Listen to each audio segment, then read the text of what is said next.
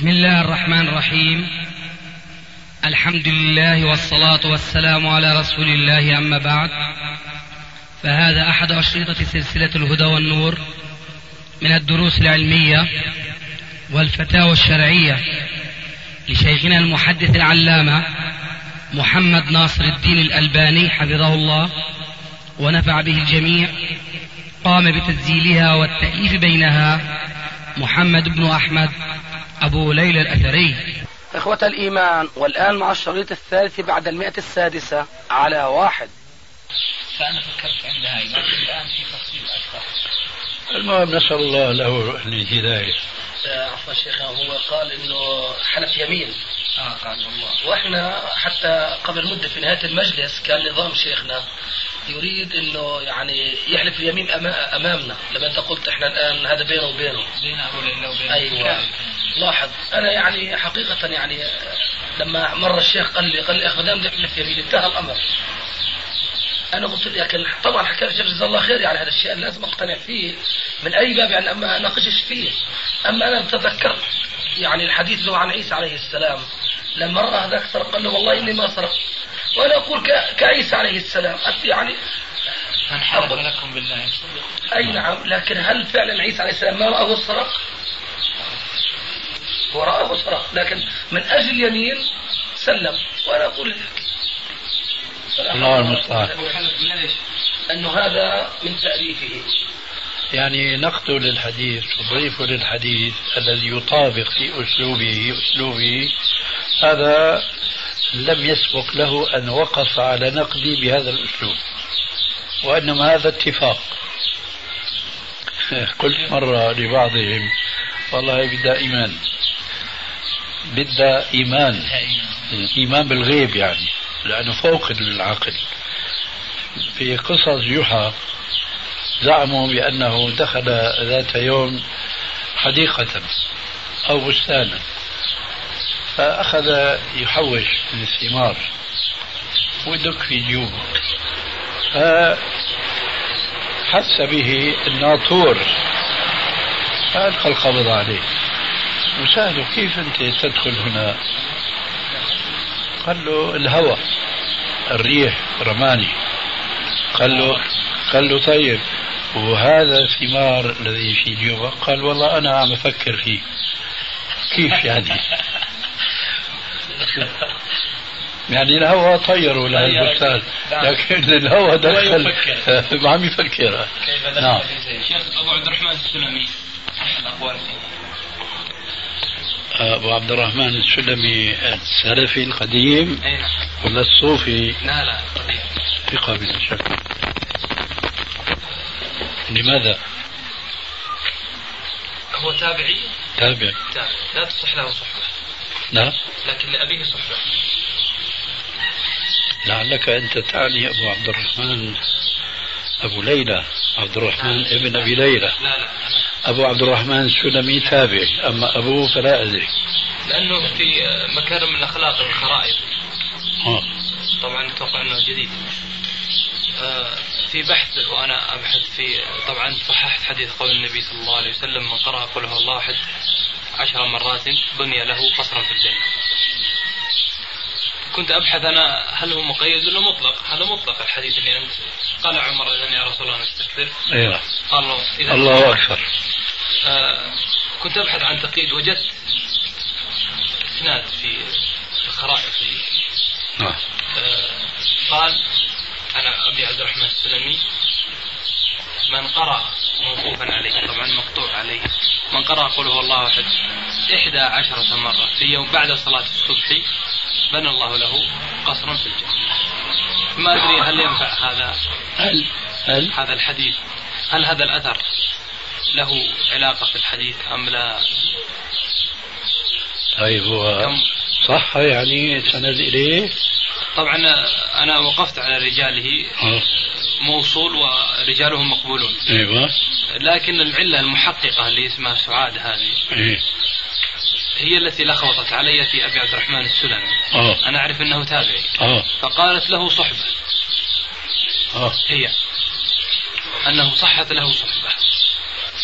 فلخبطت علي في هذا الشيء قلت أنا طبعا حاطه في بالي إذا كانت آه، مصيبة في النقل ربما يكون هناك قول بعض العلماء لأنه كثير من الرواة يختلف في صحبتهم لكن يكون الراجع عند المحققين أنه تابعي لا صحبة له.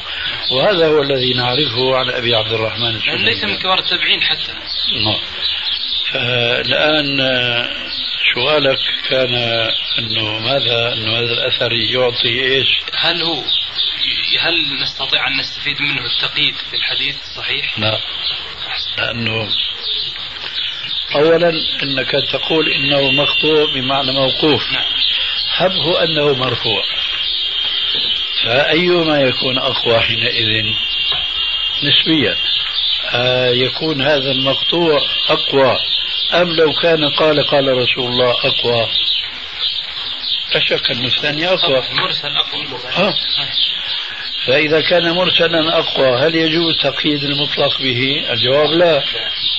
بس أنا اللي خلاني اتلبس بهذا الأمر أن الحديث حسن لغيره. لأنك قلت فهذا الحديث بمجموع هذه الطرق أقل أحواله الحسن. نعم. فقلت بما أنه حسن لغيره قد ينفع هذا المرسل بأن يكون مقيدا له مفيدا بالتقييد بارك الله فيك. هذا يكون شاهدا قاصرا. جزاك الله يكون شاهدا قاصرا. لو كان مرسلا مرفوعا. نعم. فما بالك وهو مقطوع؟ ثم لفظة 11 لا تؤثر؟ وهناك عشر. وهناك 10 إيه؟ هذا هذا يمنع من ال- الاستشهاد به. حتى لا يكون قصد أي نعم ها مم. أحسن الله هو كذلك. هو هو من زاوية من ناحية يكون قاصرا من ناحية يكون زايدا. فمن الناحية الأولى يكون قاصرا فلا يصحح أو يقوى الحديث الذي قوناه من طرق أخرى. ومن الناحية الأخرى يكون زائدا فتكون الزيادة منكرة لأنها مخالفة للطرق الأخرى. اللي هي 11 التي هي عشرة. لا أنا أقصد اللي هي ال 11 منكر أيوة هو هذا أتكلم عنه. الاستعاذة تكون في بداية العشرة. إيش؟ الاستعاذة عند قراءة العشرة. يعني يستعيد مرة واحدة في بداية العشرة ولا في كل؟ هو الحديث في الاستعاذة حديث في ماذا؟ قل هو الله. قل هو الله. من قرأ قل هو الله عشر مرات. بنى الله له قصدا في الجنة. آه فسؤالك إيه؟ الاستعاذة في بداية العشرة إذا تبدأ في قراءة العشرة. كل وحدة يعني؟ كل واحد ولا بوحده آه أول. مرة بس. والتسبيح كل واحد. التسبيح في الوحدة الآن هو في السؤال هذا طبعا. لا خلاص الآن إذا كان بيحب الأستاذ يسأل حول الكلمات بيحب وأنا كلامه كلامه طيب متكامل. في الكتابة. بالنسبة لكلامكم أستاذ هنا فيما أعلم متكامل عند موضوع تعدد الزوجات. جزاكم الله خير. إذا كان بتحبوا السؤال يعني حول آه لأنه أنت بتتكلم فيه إنه يعني كل كلها؟ لا صفحة صغيرة. آه صدفة يقول خامسا عشان تعدد معلش آه. ونحن ماشيين في التعدد مع الجماعة. إن شاء الله. إن شاء الله. شيخي عم بقول الأستاذ لما ذكر وإحنا هو عندي إنه في يعني طالبات حافظ على كتاب الله. ما شاء عم الله بدي أقول لك شيخي شوف لنا خليه يصدرنا شيء هون وصلنا واحد سنتين. ما هن صار عنده العلم. صار؟ هذا كان. بس في شروط بيعرفوها عرفوها. آه. نعم تفضل. يقول تعدد الزوجات هذا اللي يقوله الناصر العمر. تعدد الزوجات أمر مشروع ولا مجال للنقاش في مشروعيته وإنه لا يخشى على دين من يناقش في ذلك. ويخطئ أنت تأيد التعدد ولا ما تأيد التعدد؟ أنا أؤيد التعدد. فعلا وأنا معك. أنا أقول يا شيخ تلميذك البار شيخ نعم. تلميذك البار أنا. نعم. تفضل. ويخطئ أولئك الذين يظنون أن التعدد مباح عند الضرورة كعقم الزوجة أو, نعم. أو مرضها المزمن فلذلك مما فذلك مما لم يرد به دليل ولم ينزل به شرع ولست الآن بصدد البحث في هذا الموضوع لكن أعرض منه ما له مساس بموضوعنا مقومات السعادة الزوجية وهو حث الرجال والنساء على الاعتدال في مسألة التعدد والأمر بالتزام المنهج الشرعي فيها. فمن الأزواج عفوا. هذا الرجال. النساء إيش عمل هنا؟ يقول وهو حث الرجال والنساء على الاعتدال في مسألة التعدد. كيف هذا؟ نعم الاعتدال ما نقول عدل لا لا أقول اعتدال بالنسبة للرجال. أما بالنسبة للنساء؟ هي عندنا النساء الآن يعني أيضا.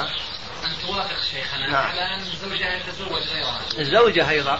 أبغاها تعتدل في موضوع إذا زوجها رغب يتزوج. ما ترفض هذا الأمر. ما تفيد العبارة هكذا. تعدل. يعني بارك الله فيك. ذلك هو العدل الذي عودتنا عليه. جزاك الله خير. إذا كان أبدا إذا يعني قصدي قرن النساء هنا في إيهام لشيء قد لا تريده. ما هو نعم. وهو أن المرأة أيضا لها كما للرجل. إن شاء الله غير وارد. طيب المهم ليس هنا بيت القصيد. والأمر بالتزام المنهج الشرعي فيها. فمن الأزواج من يتعجل في التعدد ويقدم على الزواج من غير تبصر وتربص فيقع في أخطاء فادحة. تهشم بنيان السعادة في أسرته ومنهم من يجعل الحديث عن التعدد سبيلا لإغاظة الزوجة واستفزازها وتهديدها. ومنهم من لا يراعي في التعدد إلا إشباع الرغبة الجنسية. صارفا النظر عن الأغراض الشرعية السامية التي من أجلها شرع التعدد. ومعرضا قف قليلا ال- الأمر الثالث نعم. ومنهم ومنهم من لا يراعي في التعدد إلا إشباع الرغبة الجنسية. صارفا عن الأغراض صارفا النظر عن الأغراض الشرعية السامية التي من أجلها شرع التعدد ومعرضا عما ينبغي أن يقوم به من العدالة والقو- والقوامة والقدرة على القيام بالحقوق. طيب هل يفسد مقصدك من هذه العبارة إذا حذف منها الرغبة الجنسية؟ يمكن تعاد العبارة بدونها وننظر. آه، الآن نجرب. نجرب حتى أستطيع اقرأ نشوف العبارة بدون التعرض. ومنهم آه. من لا يراعي في التعدد إلا إشباع الرغبة الجنسية ما نقدر نحرمها ليه؟ يعني يقول منهم من لا يراعي في التعدد. ما تأتي أنا أظن تأتي. تفضل. بسم الله. آخر سطر. قبل الأخير باثنين. ومنهم من يراعي التعدد إلا التعدد. ومنهم من لا ومنهم من يصرف نظره في التعدد عن الأغراض الشرعية ومنهم من يصرف النظر في التعدد عن الأغراض الشرعية هل يفسد ما رميت إليه؟ لماذا لا نحرر المسألة أولا؟ آه الآن كشفت القناع بهذا السؤال تفضل حرر. نقول لك ما المانع أن يتزوج؟ كما قال تعالى وأنت ألمحت إلى الآية في أول الكلام. مثنى وثلاث ورباع لإشباع نهمته الجنسية مع المح... لا تسبق الكلام. أنا قلت ما أنت قلت فقط؟ ما يصير هذا. مع مراعاته للأشياء التي أنت ألمحت إليها ذاما لأنه يصرف النظر. هو لا يصرف النظر. لكنه يريد أن يشبع نعمته الجنسية مثنى وثلاث ورباع دون أن يصرف نظره إلى الأمور الأخرى التي أنت ذكرتها. ومشروع. إيه، وهذا الذي ظننته بك ظن الخير.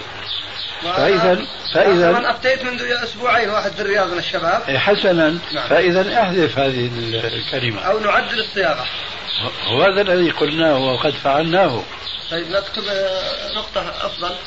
جاء علينا يا شيخ أبو بدر الله يهدينا وياه خبط خرب عليه؟ إيه. لا لا لا.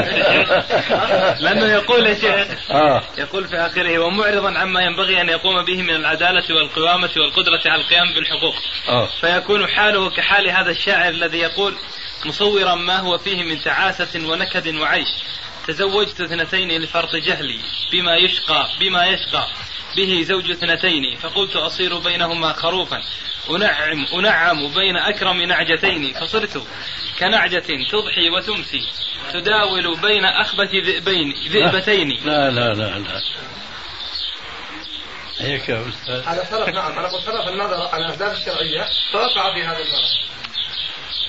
ما ينبغي هذا بارك الله فيك. أنت إذا آه، رفعت كلمة الشهوة الجنسية هذه ولفت النظر إلى أن لا يصرف الذي يتزوج اثنتين فأكثر عن الأمور الأخرى يكفي يكون عدلته نعم لكن هذه القصيدة يا شيخ. هذه قصيدة لرجل.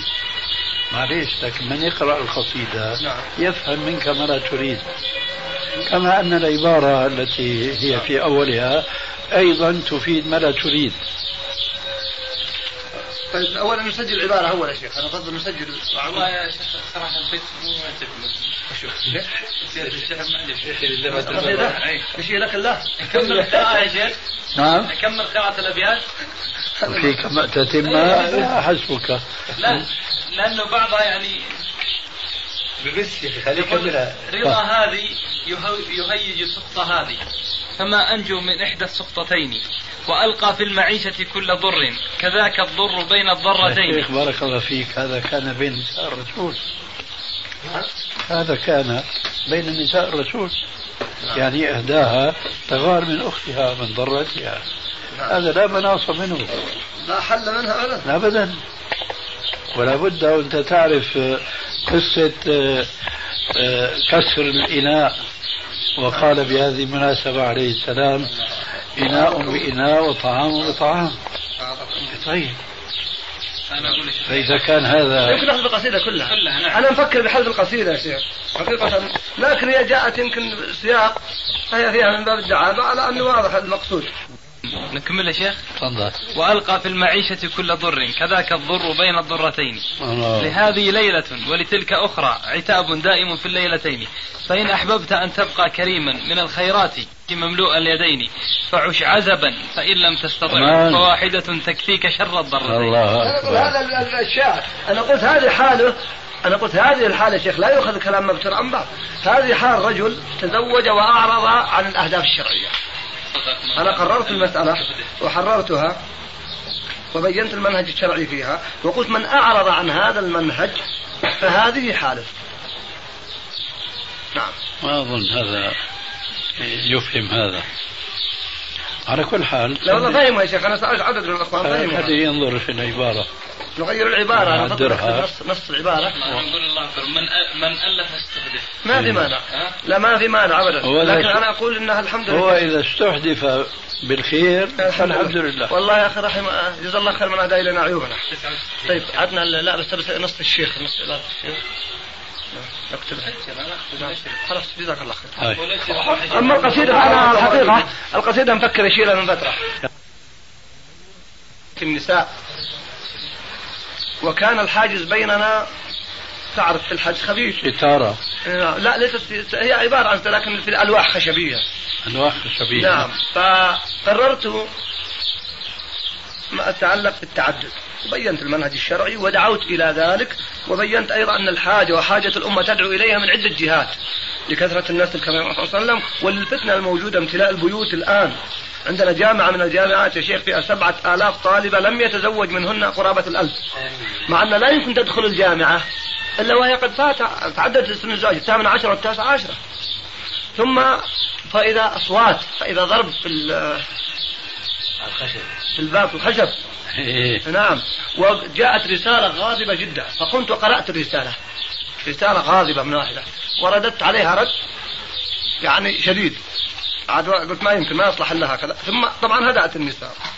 بعد فترة لما رجعت إلى الرياض فإذا هي ترسل لي عن طريق إحدى القريبات رسالة تعتذر عما حدث.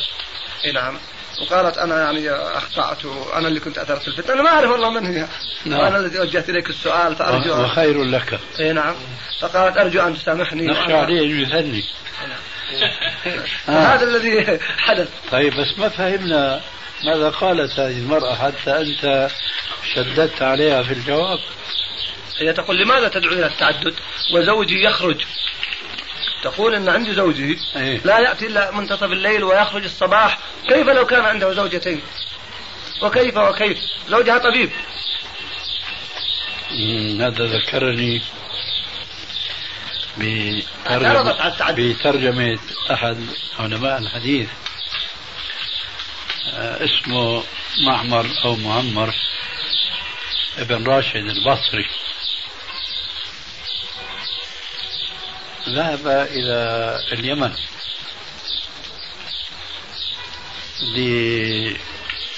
طبعا طلب العلم والحديث فبقي هناك مدة ثم عزم على أن يعود إلى البصرة.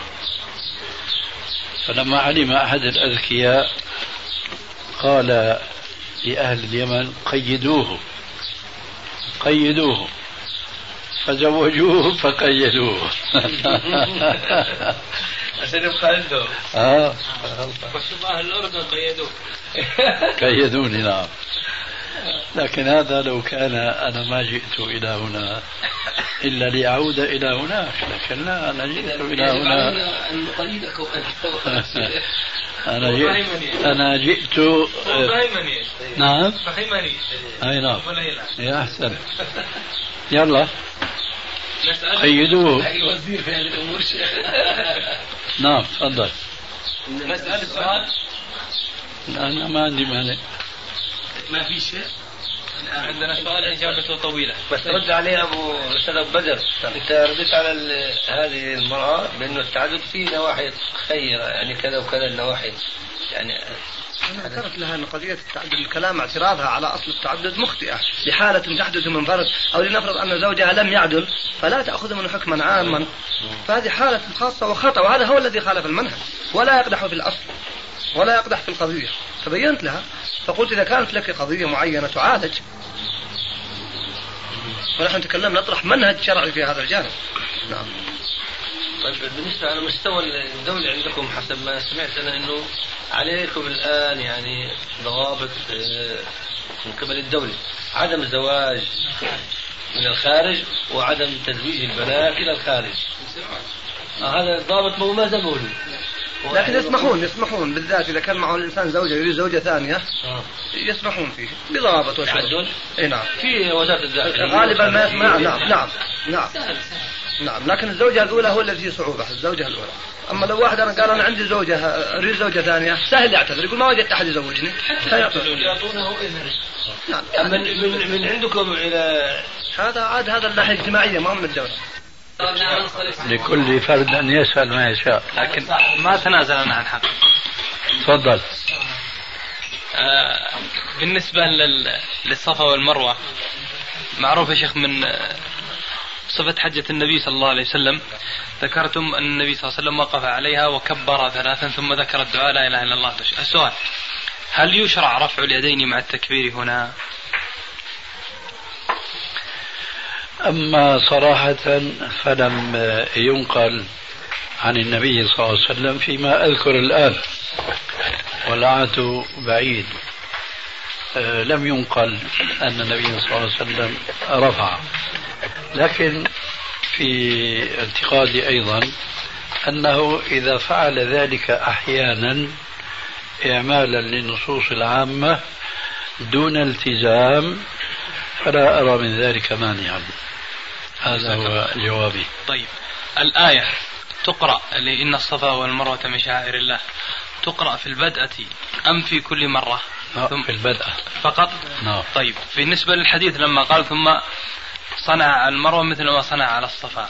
ما تدخل هذه في العطف؟ ما يقتضي أنه يدخل فيه كل ما صنع على الصفا لما قال إن الصفا والمروة من شعائر الله فمن حج البيت؟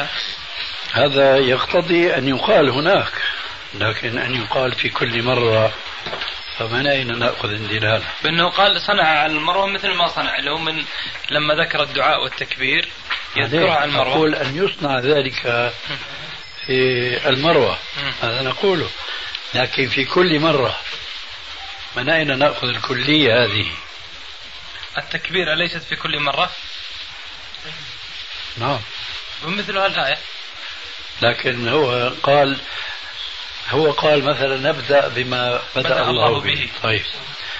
هل يقال هذا في كل مرة؟ لا. لا يقال. طيب. فلما قال نبدأ بما بدأ الله به ثم ذكر الآية فمعناها هذا تحقيق لهذا ال- الخبر الذي هو بمعنى الأمر. نبدأ بما بدأ الله به. نعم. أقول هذه آية وهذا ذكر والابتداء في الآية. والذكر يختلف عن الشيء يعني معاه نعم نعم مفهوم. فهذا الذي نحن نراه والله أعلم ونلحه بأن من كان عنده شيء من العلم فلا يزال المرء عالما ما دام يقول آه، أنا بحاجة إلى علم. فإذا قال قد علمت فقد جهل. ولذلك فنحن بحاجة. إن كنتم طلعتم على شيء أو استفدتم من مشايخكم أي شيء فهاتوه لنا وجزاكم الله خيرا. بورك فيك. وفيك بارك. أنا قصدي يعني إذا لا يشرع تكرار الآية. لا نرى ذلك. جزاك الله خير. طيب بالنسبة للمقام. مقام, مقام إبراهيم. إبراهيم. نحن نعرف أن أصله في القرب من باب الكعبة. فلما انتقل إلى مكانه هذا الصلاة الآن. هل هي تعتمد على مكانه هذا ولا على ما كان من قبل عند التشريع؟ وسامحك الله وهل يمكن لو كان مشروعا هل يمكنك الآن أن تصلي عند مقامه الأول؟ لا أنا أقصد يا شيخ يعني في الحج لا يمكنني لكن قبل أمس أنا يمكنني أن أصلي بكل راحة كيف؟ قبل ليلتين فقط. آه. كان المطاف لا يوجد فيه أحد سوى يمكن 30 نفس. إيه تطوف. لكن هذا نادر. لا أنا أقول في مثل هذا النادر. آه ما قلت الآن تقول نعم هذا الآن نعقب لأنك ما سؤال يا أخي لا لسه. مبين مستعجل. مستعجل. يبغى أفغانستان يبغى الانتصار آه، نحن نتساءل هنا من باب المذاكرة. من- متى نقل الحجر الأسود من مكانه الأول؟ المقام. عفوا آه، نعم المقام. ال- الذي كان يقوم عليه إبراهيم. متى نقل من هناك؟ في حد علمي أنا هو كذلك. أنه نقل في التوسعة في عهد الملك عبد العزيز. نعم. في عهد قرابة الملك عبد العزيز أو ما شابهه كيف؟ هذا حد علمي. مقيل 86 نعم. مقيل عام 86 ومن قبل أين كان؟ كان بالقرب عند الكعبة. في مكاني. هذا فيما أسمع أنا ما رأيت. لا أنا في والله في بالي أنه هذا نقل في عهد عمر. لا يا شيخ. كيف؟ اللي أعرف أنا أنه إن كان أرجع ثم نقل مرة أخرى أو نقل في عهد عمر من مكان إلى مكان ثم من مكان عمر إلى مكان هذا فما نعلم. المهم هو في عهد الدولة السعودية في التوسعة الجديدة نقل إلى مكان هذا ولا ما كان هذا عهده. زين وحتى للشيخ الشنقيطي له فيها بحث ورد عليه الشيخ ابن آه، ابن ابن حمدان صاحب شرح التوحيد مخطوط من صاحب الدر النضيد في شرح كتاب التوحيد ورد عليه ويرى عدم جواز نقله وصارت مناقلة بين علماء الدعوة في عفوا. مرادة. عفوا. يرى عدم جواز نقله من من مكانه الذي عهدوه هم. نعم أين هذا المكان؟ إحنا اللي أنا ربطت به الموضوع أن مكان اللي فهمته من قراءتي أن مكانه هو الشرعي عند الحجر الأسود في مكان الحقيقة عند باب الكعبة. جيد. هذا اللي أنا فهمته من لأنه عليك. الكاتب ما وضح أين كان مكانه. نعم. وكنت أعلم أنا لكن ما عندي فيها سند ثابت. آه، سمعتها من المشايخ بأنه كان عمر نقله. و بس ما عندي فيها سند ما أدري عن. صحتها. إذا القضية الآن تحتاج إلى تجديد البحث. نعم. والذي أنا أعرفه و... ولا أذكر سواه هو الذي قلت لك آنفا ثم نقلته عن بعض المشايخ أن الذي نقله من مكانه الأول هو عمر بن الخطاب رضي الله عنه. لكن لو سألتني إلى إلى أي نقطة بالذات نقله أنا الآن أقف. وكل وهلي وظني أن هذا المكان الذي هو اليوم في هذا القفص هو المكان الذي توارثه الخلف عن السلف. والآن يعني نفهم أو نسمع شيئا جديدا أنه هذا نقل في هذا العصر تقريبا يعني. إذا إذا نعم. أقول على وشك الوقت خلاص. آه. إذا يا علي بتذكرنا بهذه النقطة نتعاون للكشف عن حقيقة الأمر. وسبحانك اللهم وبحمدك أشهد أن لا إله إلا أنت أستغفرك وأتوب إليك. آه.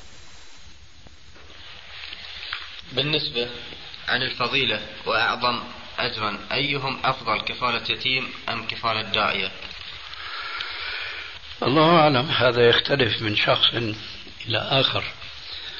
أنت تقصد بكفالة داعية يعني رجل مسلم يدعو إلى الإسلام فينفق عليه غني أو أن يتكفل يتيما. هذا أمر من الصعب أن نجيب عليه لأنه أمر يختلف من يتيم ومن داعية. قد يمكن هذه الداعية أن ينفق بنفسه على نفسه وقد يكون الإنفاق عليه كما هو الواقع مع الأسف اليوم ككثير من الموظفين. بل من أئمة المساجد والخطباء والدعاة الذين يسمون فأكثرهم يأخذون هذه الرواتب ثم لا يقومون بحقها. قد يكون الأمر هكذا وقد يكون الأمر بالعكس فعلا. رجل عنده علم وعنده نشاط في الدعوة ويعمل لله ولا يعمل من أجل المال فيكون الإنفاق عليه عونا له على استمراريته في نشاطه في الدعوة. وفي توسيع دائرة عمله فيها يكون خيرا من إنفاق على يتيم قد يمكن أن ينفق عليه جمعية خيرية أو رجل إنسان آخر لا يهتم بالدعوة وبالدعاة أنفسهم.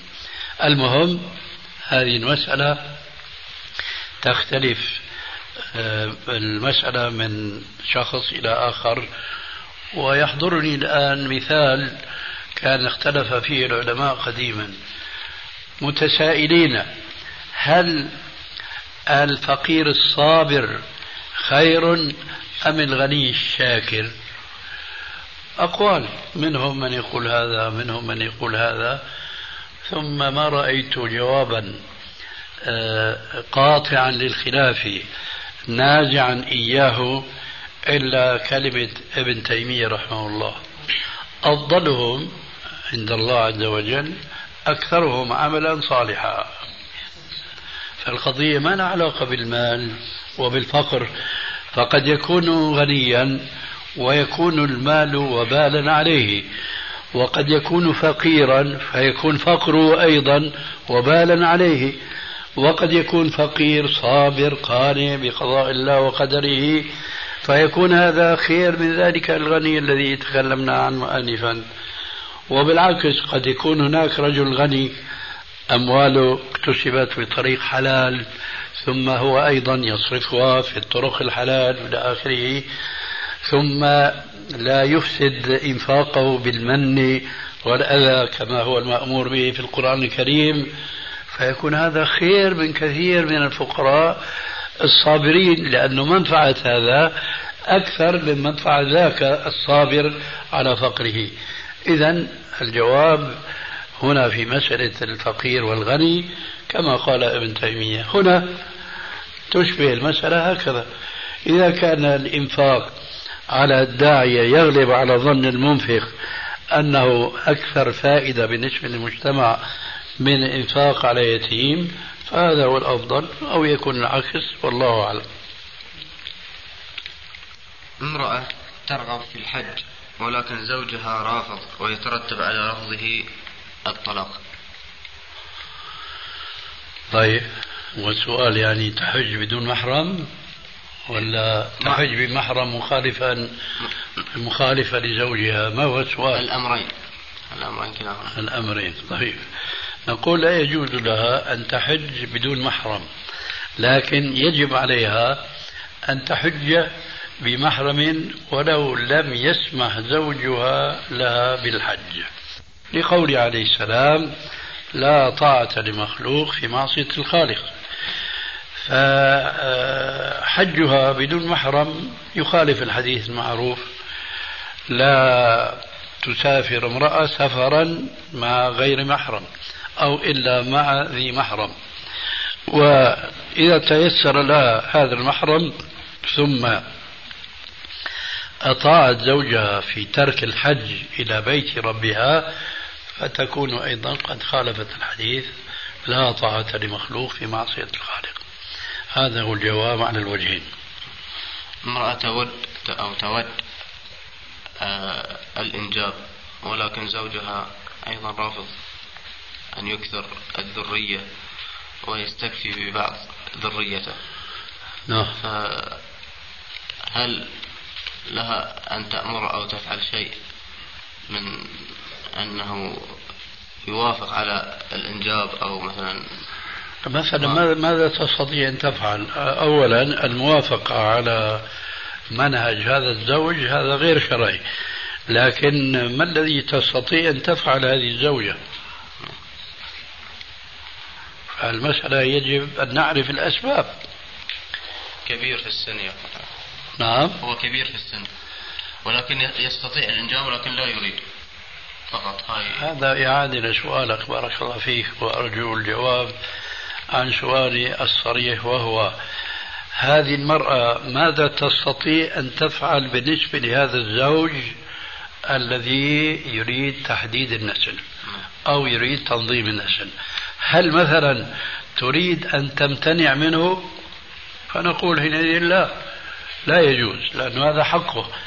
إذا ماذا تريد أن تفعل في سؤالك هذا؟ ما أظن أنه عندك ما في يعني. الذرية هي تولد الذرية. يأمرها بالمانع مثلا. كيف؟ يمكن يكرهها على المانع مثلا العزل أو غيره. نعم. فهي تمنع من هذا ممكن هذا مخرج. إذا تمتنع من شيء هو يفرضه عليها وهو غير جائز شرعا هذا امتناع وارد. لكن هذا ليس فعلا إيجابيا منها. هذا فعل سلبي. أنا أخشى أن يكون وراء السؤال شيء يخالف الشرع كما ضربت أنا مثلا آنفا أنها تمتنع من أن تطاوعه فيما يريد. المهم تحديد النسل وتنظيم النسل هذا ليس من الإسلام. هناك طبعا أحكام خاصة في ظروف معينة تتعلق بالزوجة وليس بالزوج.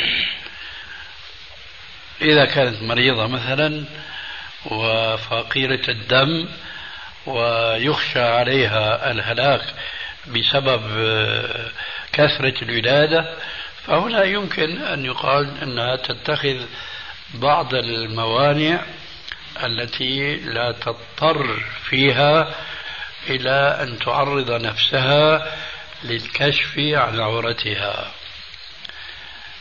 في حدود معينة يمكن أما اتخاذ نظام كما هو الشائع في هذا الزمان هذا لا يجوز. يعني شيخنا لو جبنا حبوب بعد حمل هي قالت له شربت وهي ما شربت. الحالة بتكون هي يعني خالفت أمره. إذا كانت في الحدود اللي ذكرناها يعني مثلا هي ليست مريضة. أي أه؟ معنا السؤال من قبل بالنسبة للحج المرأة تريد الحج ولها يعني الحق أن تحج؟ فلو ترتب على هذا طلاقها يعني. لو إيش؟ ترتب على يعني ذهابها مع محرم غير زوجها. ترتب على هذا الطلاق. تحج أيضا؟ يعني إذا هي حجت مع المحرم نعم. بدون سماح الزوج نعم. تتعرض لأن يطلقها الزوج. نعم. نعم. إيش المانع؟ جزاك الله خير. لكن لكن هل هناك امرأة ترضى بهذا الطلاق؟ هنا الجهاد. الله واحد غير العدل. هنا الجهاد. نحن تأتينا أسئلة من بعض النساء زوجها سكير خمير ما بيجي إلا بنصف الليل ولا بيصلي ولا بيصوم. حينما نقول لها لا يجوز أن تبقي معه ساعة من ليل أو نهار تقول شو بساوي بالأولاد؟ كل هذه مصائب. وين هذه المرأة؟ هل ترضى أن يطلقها زوجها؟ ولا أقول كما يقول البعض ترضى أن تطلقه هو هي تطلق الزوج. والطلاق بيد رجل كما هو معلوم. هذا نادر جدا فإن وجد هذا هو الواجب. يعني طاعة المخلوق بعد طاعة الخالق غيره. بالنسبة عن تغطية الرجل رجل المرأة في الصلاة نعم. فما الحكم فيه؟ إذا قامت فعليها أن تلبس قميصا سابغا ساترا للقدمين. فإذا انكشف باطن قدمها في أثناء السجود مثلا فلا بأس من ذلك. أما أن تكون آه، أن يكون ثوبها كاشفا عن ظاهر قدميها فهذا لا يجوز لأن الصحيح من أقوال العلماء أن قدمي المرأة عورة. ولذلك أمر النبي صلى الله عليه وسلم المرأة أن تطيل ثوبها شبرا من فوق الكعبين. ولما جاء ذلك السؤال أنه قد تأتي ريح فتكشف قال تزيد شبرا آخر والمجموع يكون ذراعا ولا تزيد عليه. هذا كله دليل واضح جدا يبين الآية الكريمة التي تقول ولا يضربن بأرجلهن ليعلم ما يخفين من زينتهن لأن هذه الزينة كانت عبارة عن الخلاخيل التي تنزل إلى ما يساوي الكعبين أو إلى ما تحتهما إذا كان واسعين أي يستر ذلك بالثوب. هل يجوز للنساء زيارة القبور إذا كان للاتعاظ فقط. نعم هذا شرط والشرط الآخر وهو شرط عام أن يكن متحجبات متجلببات في الجلباب الشرعي. يلقين السلام ويذكرن العبرة بالأموات ثم يعدن أدراجهن. فلا فرق والحالة هذه بين النساء وبين الرجال. ذلك لأن النهي عن زيارة قبور في أول الإسلام كان نهيا عاما. يشمل الرجال والنساء. ثم لما تمكن التوحيد من هؤلاء المسلمين رجالا ونساء جاءهم الإذن عامة رجال ونساء. وقد جمع النبي صلى الله عليه وآله وسلم الإشارة إلى هذين الأمرين في حديث واحد. أي أشار إلى أن النهي كان موجها توجيها عاما للنساء والرجال وأشار أيضا إلى أن الإذن كان موجها للنساء والرجال. ذلك قوله عليه الصلاة والسلام كما في صحيح مسلم كنت نهيتكم عن زيارة القبور. كنت نهيتكم. الخطاب لمن؟ للمسلمين بعامة. نساء ورجالا. ألا فزوروها. الخطاب لمن؟ لأولئك الذين نهوا من قبل. أي نساء ورجالا.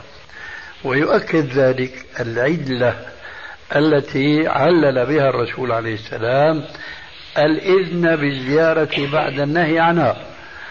فزوروها. فإنها تذكركم الآخرة. إذا كما أن الرجال بحاجة إلى أن يتعاطوا سببا شرعيا لتذكر الآخرة فالنساء كالرجال في ذلك إن لم يكن أولى بأن يتخذن مثل هذا السبب الذي يذكرهن بالآخرة. أما الحديث المعروف لعن الله زائرات القبور فالحديث مروي بلفظين اثنين. اللفظ الأول هو هذا زائرات وهو ضعيف. أما اللفظ الآخر فهو بلفظ زوارات أي اللاتي يكثرن الزيارة وهذا الإكثار عادة لا يكون لتحقيق الغاية التي من أجلها أذن النبي صلى الله عليه وسلم بالزيارة للجنسين تذكر الآخرة. هذا الإكثار يكون كما نراه نحن مشاهدا في كثير من المناسبات كالأعياد ونصف شعبان ونحو ذلك. يجلسن حول القبر ويتخذن ذلك المكان مقهى. يتحدثون في جلوسهم. هذا شتى الأحاديث. فإذا الحديث يصح بلفظ زوارات القبور والمعنى هذا لا ينافي الإذن العام وإنما يخصصه ويبين أن الزيارة التي يراد بها تذكر الآخرة فهي مشروعة لكن الإكثار والمبالغة هذا منهي عنه. هذا جواب ما سألت. في حد للإكثار؟ نعم. في حد للإكثار ولا يعني ما اتفق؟ لا ما في. نعم. شيخنا مثلا أنت قلت لزيارة نساء شرطان هما أن تكون متجلببة والثانية للعظة والعبرة. لكن زوج امرأة تذهب لزيارة قبر والدها أو زوجها مع وجود مقبرة قرب بيتهم وهي تشد الرحل لهذا فهل هذا يجوز مع وجود مقبرة عند بيتهم؟ لا هو يجوز يجوز لكن تخصيص قبر زوجها. الله يهديك اصبر. هو قضية يجوز يجوز لكن آه، تخصيصها زيارة أبيها أو قريبها دون زيارة المقابر حينئذ هذا التخصيص مع أنه بدون مخصص فهو يشعر أن الزيارة هذه ليست لتذكر الآخرة. وإنما أحسن ما يقال فيها هي بباعث العاطفة فقط وليس بباعث العلم والدين. ولذلك نحن نقول لهؤلاء الذين يشدون الرحال إلى زيارة بعض القبور التي يقال إنها قبور أولياء وصالحين. سواء كان هذا القول صحيحا أو غير صحيح لماذا هذه الزيارة إن كان المقصود هو تحقيق الغاية والحكمة التي سبق أن أشرنا إليها من حديث الرسول عليه السلام ونقول لهم هي المقبرة أمامكم والعظة بهذه القبور التي يكفي أن يتخيل الإنسان ويراها في المنام ليقوم فزعا العظة من هذه القبور أكثر بكثير من زيارة قبر ولي أو نبي خاصة إذا كان مزخرفا ومزينا وعليه أبها وحينئذ يخضعون خضوعا لا ينبغي أن يكون إلا لله عز وجل. ولهذا نحن نقول أن شد الرحال إلى هذه القبور. أكبر دليل أنهم لا يقصدون بها تحقيق الغاية المذكورة في الحديث الصحيح. لعلكم اكتفيتم الآن. موضوع بعض الناس يزرعون شجرة على القبر ويترددون على هذا القبر بحجة أنه يسقوا هذه الشجرة. فإيش رأيكم يعني هل تقطع هذه الشجرة؟ ويمكن يكون نساء أيضا. نعم. يفعلن هذا الفعل. حتى كثرت أشجار الزيتون والتين والفواكه على المقابر. نعم. هذا أسلوب لا شك ليس إسلاميا من جهات عديدة.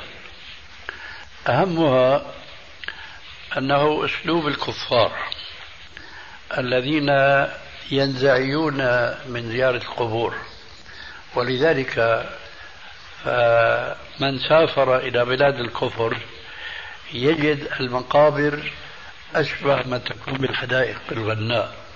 مزروعة بالأشجار الكثيرة وال والورود والزهور ونحو ذلك حتى إذا مر المار من تلك المنطقة لا ينزعج بذكر الموت. فالمسلمون الآن يسلكون السنن من قبلهم كما تنبأ بذلك النبي عليه الصلاة والسلام في الحديث الصحيح لتتبعون سنن من قبلكم شبرا بشبر وذراعا بذراع حتى لو دخلوا جحر ربنا دخلتموه. إلى آخر الحديث. آه، فهذه الظاهرة هو تقليد الكفار ومن تمام التقليد ما ابتلي به بعض البلاد الإسلامية وبلدنا هذا مع الأسف منها وهو إخراج المقابر خارج البلد. وبذلك يقطعون الصلة بين الأحياء والأموات. أي يعطلون زيارة القبور لأنه ليس من الممكن عادة أن المسلم الذي مات أبوه انه يشد الرحل ويخرج خارج البلد مشان يزور إيش؟ أبوه لا والله مو سائل لا عن أبوه ولا عن أمه ولا عن أخته هذا هدف لقطع الصلة بين الأحياء والأموات بطريق تحقيق الغاية الشرعية التي سبق ذكرها انفا ولذلك فلو أن هناك دولة إسلامية حقا هذه المسألة مع أنها كما يقول بعضهم ثانوية ولا نقول يعني من باب القشور لكنها ثانوية. لكن مع ذلك سوف تضع المخطط البلد أو المدينة أو العاصمة لا تكون القبور فيها إلا في داخلها. أي نعم. لكي لا يقطع الصلة بين المسلمين وبين قوله عليه السلام ألا فزوروها فإنها تذكركم الآخرة. الموضوع شيخنا يعني يستدل بعض يستدل بعض المسلمين بأن الرسول صلى الله عليه وسلم مر على قبر فأخذ غصنا رطبا أو كذا ما أذكر النص فوضعها على القبر. فيستدل في هذا الحديث أنهم يعني يجوز لهم أن يضعوا يعني شجر وغيره. نعم. فيعني ما أدري إذا كان هذا الحديث يعني يكون من يعني هذا الحديث بلا شك هو حديث صحيح. ولكن لا يدل الحديث على الغاية التي من أجلها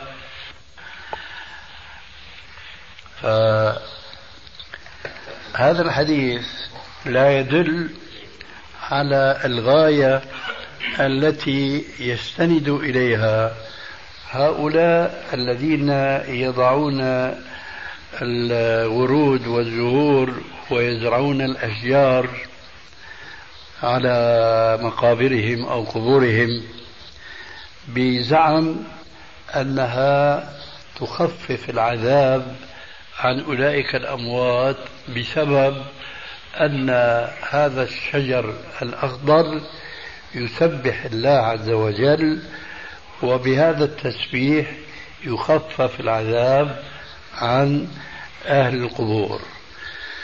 هذا الحديث الصحيح لا يدل على هذا التعليل الذي لا أصل له في الشرع اولا بل الحديث الذي سألت عنه يدل على أن هذا الرطب الغصن الرطب الذي وضعه الرسول عليه السلام لم يكن سببا لتخفيف العذاب حتى يصح أن يتخذ هذا السبب نظاما ويطبق في مقابر المسلمين وإنما يدل على أن رطابة هذا الغصن إنما كان علامة وتحديدا لزمن تخفيف العذاب عن أولئك المقبورين ذلك لأن النبي صلى الله عليه وآله وسلم لما سئل عما فعل من وضع الغصنين على القبرين قال لعل الله أن يخفف عنهما ما دام رطبين. هذا حديث البخاري ومسلم.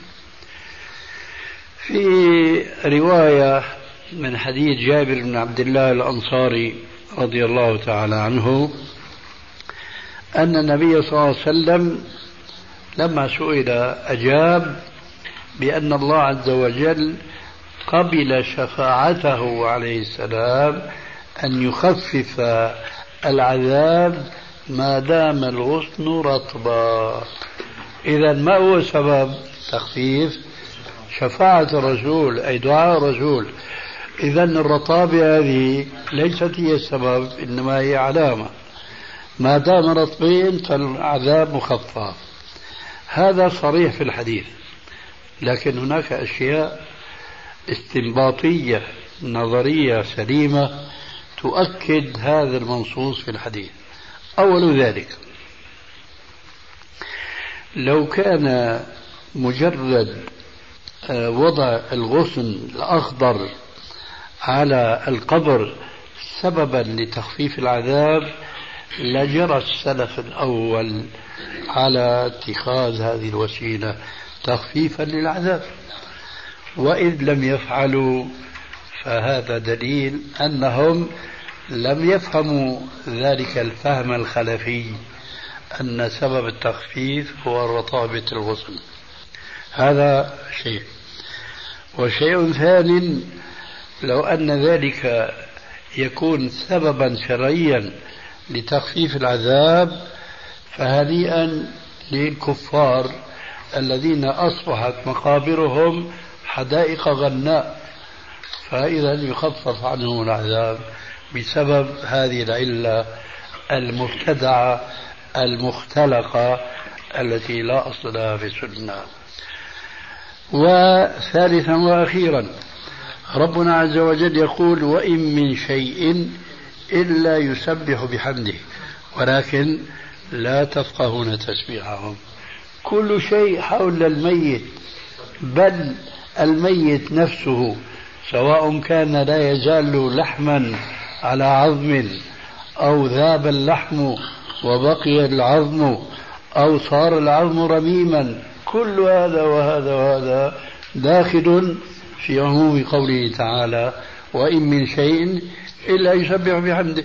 إذا ما في فرق بين الأخضر وبين اليابس ما في فرق بين الشجر وبين الحجر. بين الحجر وبين المدر. كله داخل في عموم الآية الكريمة. لذلك إن هذا الذي يقولونه إلا اختلاق.